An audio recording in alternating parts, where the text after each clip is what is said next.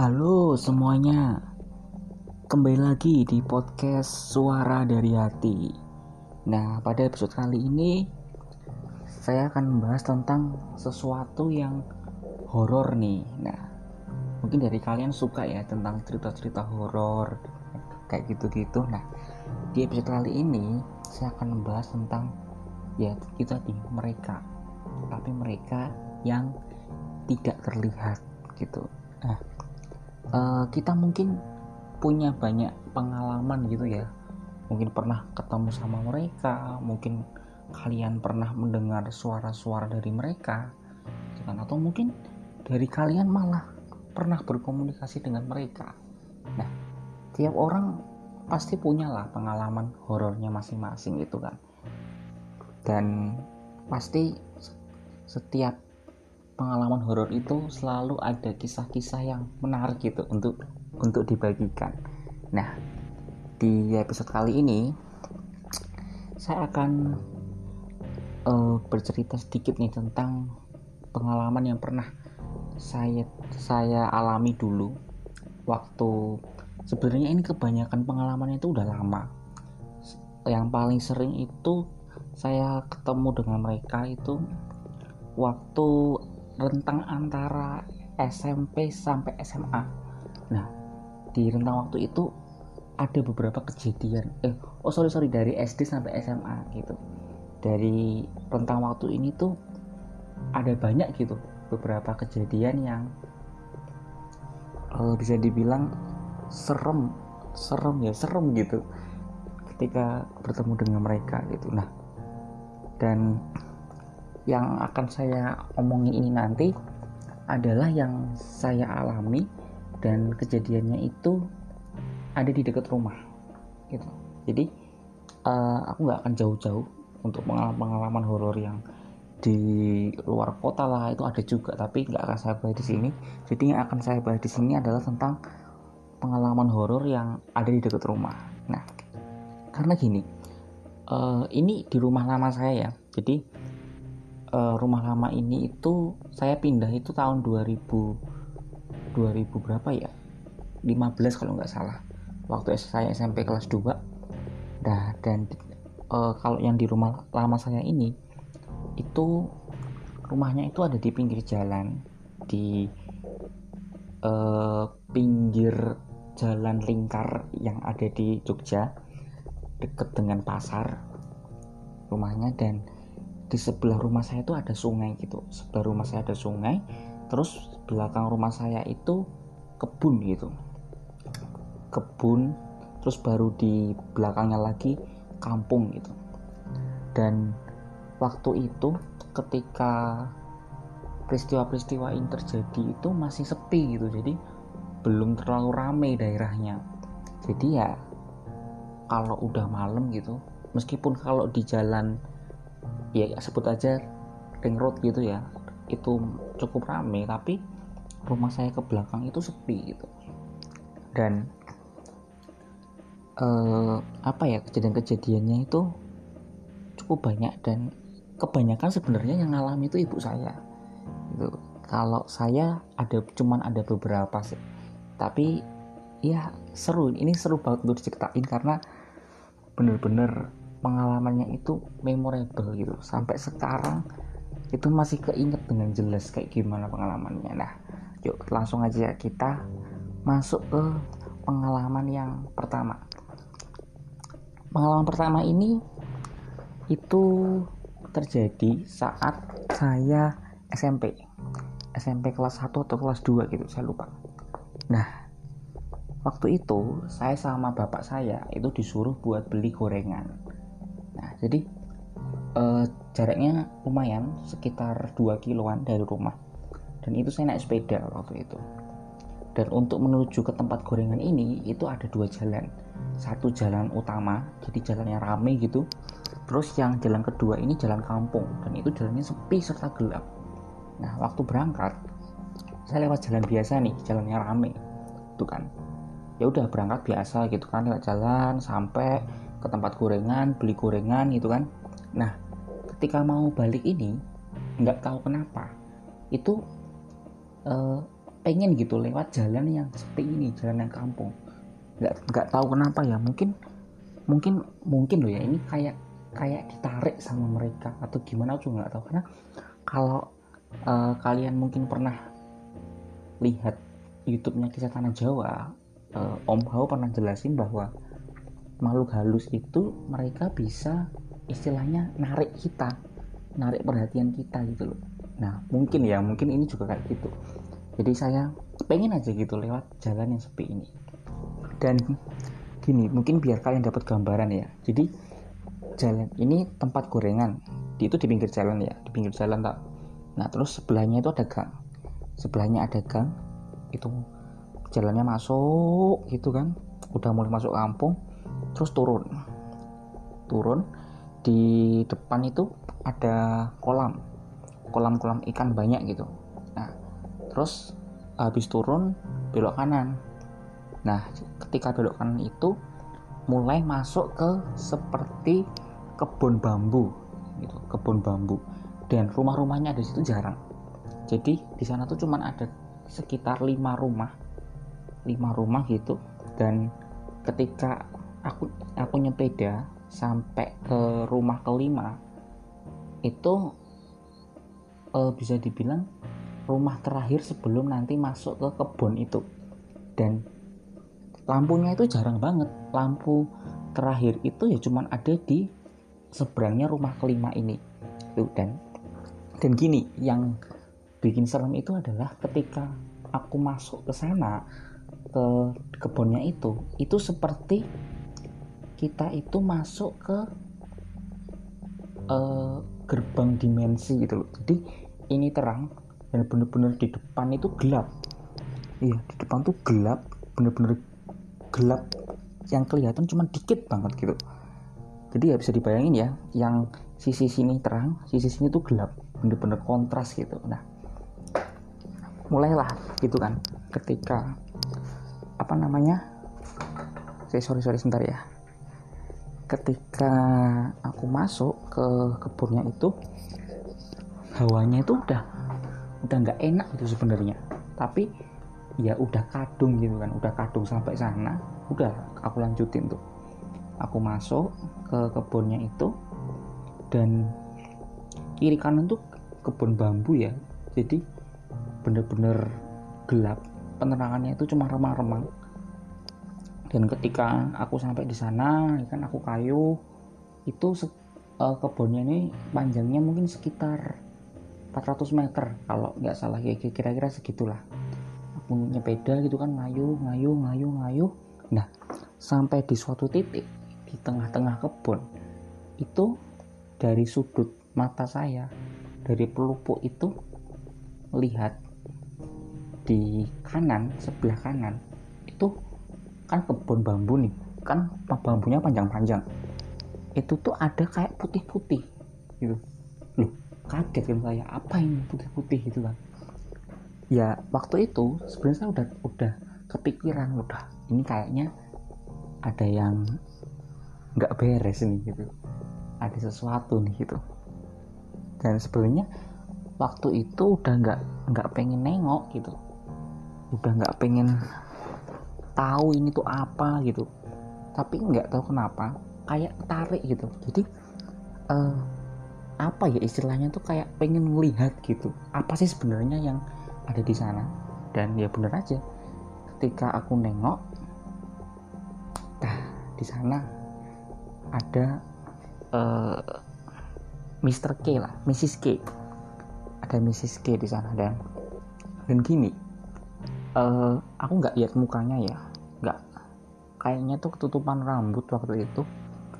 Dan posisinya itu melayang. Jadi ini pohon bambu yang tinggi. Itu tuh ada di tengah-tengahnya gitu. Jadi ada di tengah-tengah pohon bambu gitu dan dan untungnya setelah saya lihat itu langsung tak kayu sepedanya tak kayu wow buang terus penting sampai ke ujung lah gitu. Udah dan untungnya bisa ngayu cepet waktu itu. Ya kalau tak kayu seret gitu kan. Saya sampai di ujung wah udah selamat gitu.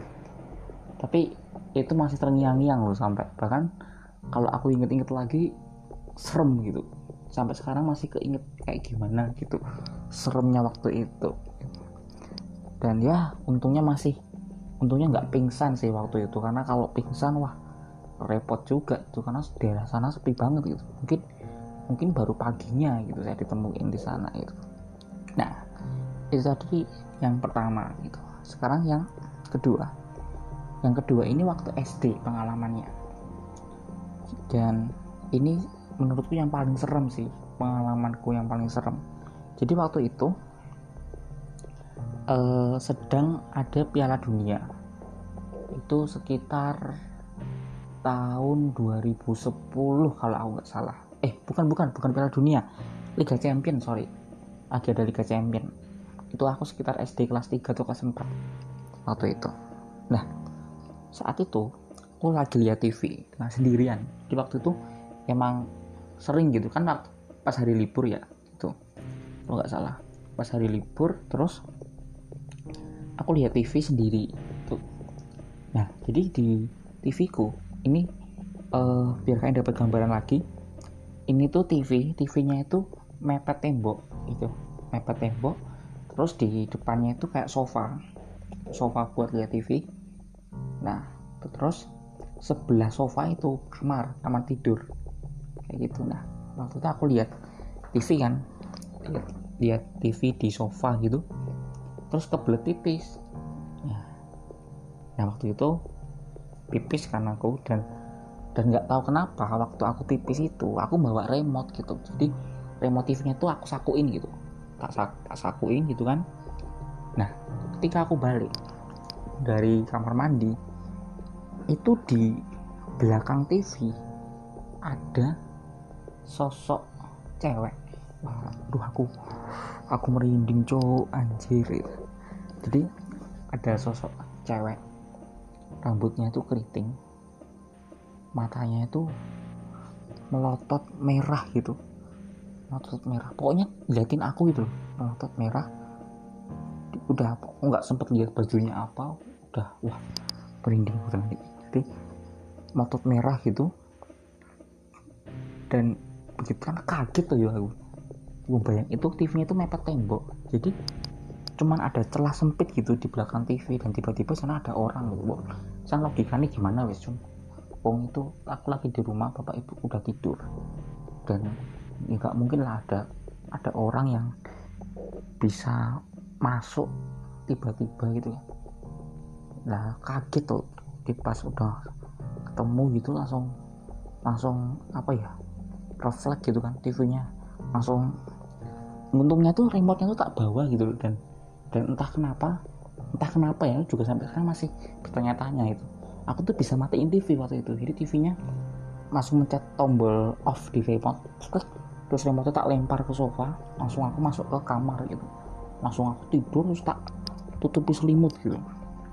Nah langsung baru aku pas itu bilang sama ibuku besoknya gitu besok paginya. Nah ternyata katanya ibuku emang di sana itu di rumahku itu ada ya istilahnya penunggunya lah. Dan salah satunya memang si ini si mbak ini yang yang ya pokoknya gue lah mbak yang serem ini gitu.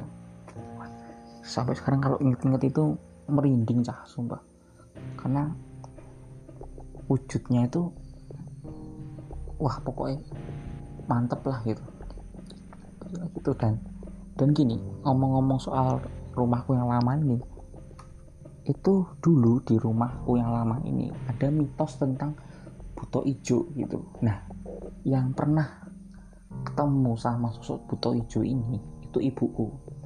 Jadi uh, dan gini buto ijonya ini itu tuh sering buat kendaraan yang lintas di situ itu sering kecelakaan gitu jadi banyak sebenarnya kasus kecelakaan di dekat rumahku. Jadi rumahku itu uh, dekat belokan gitu.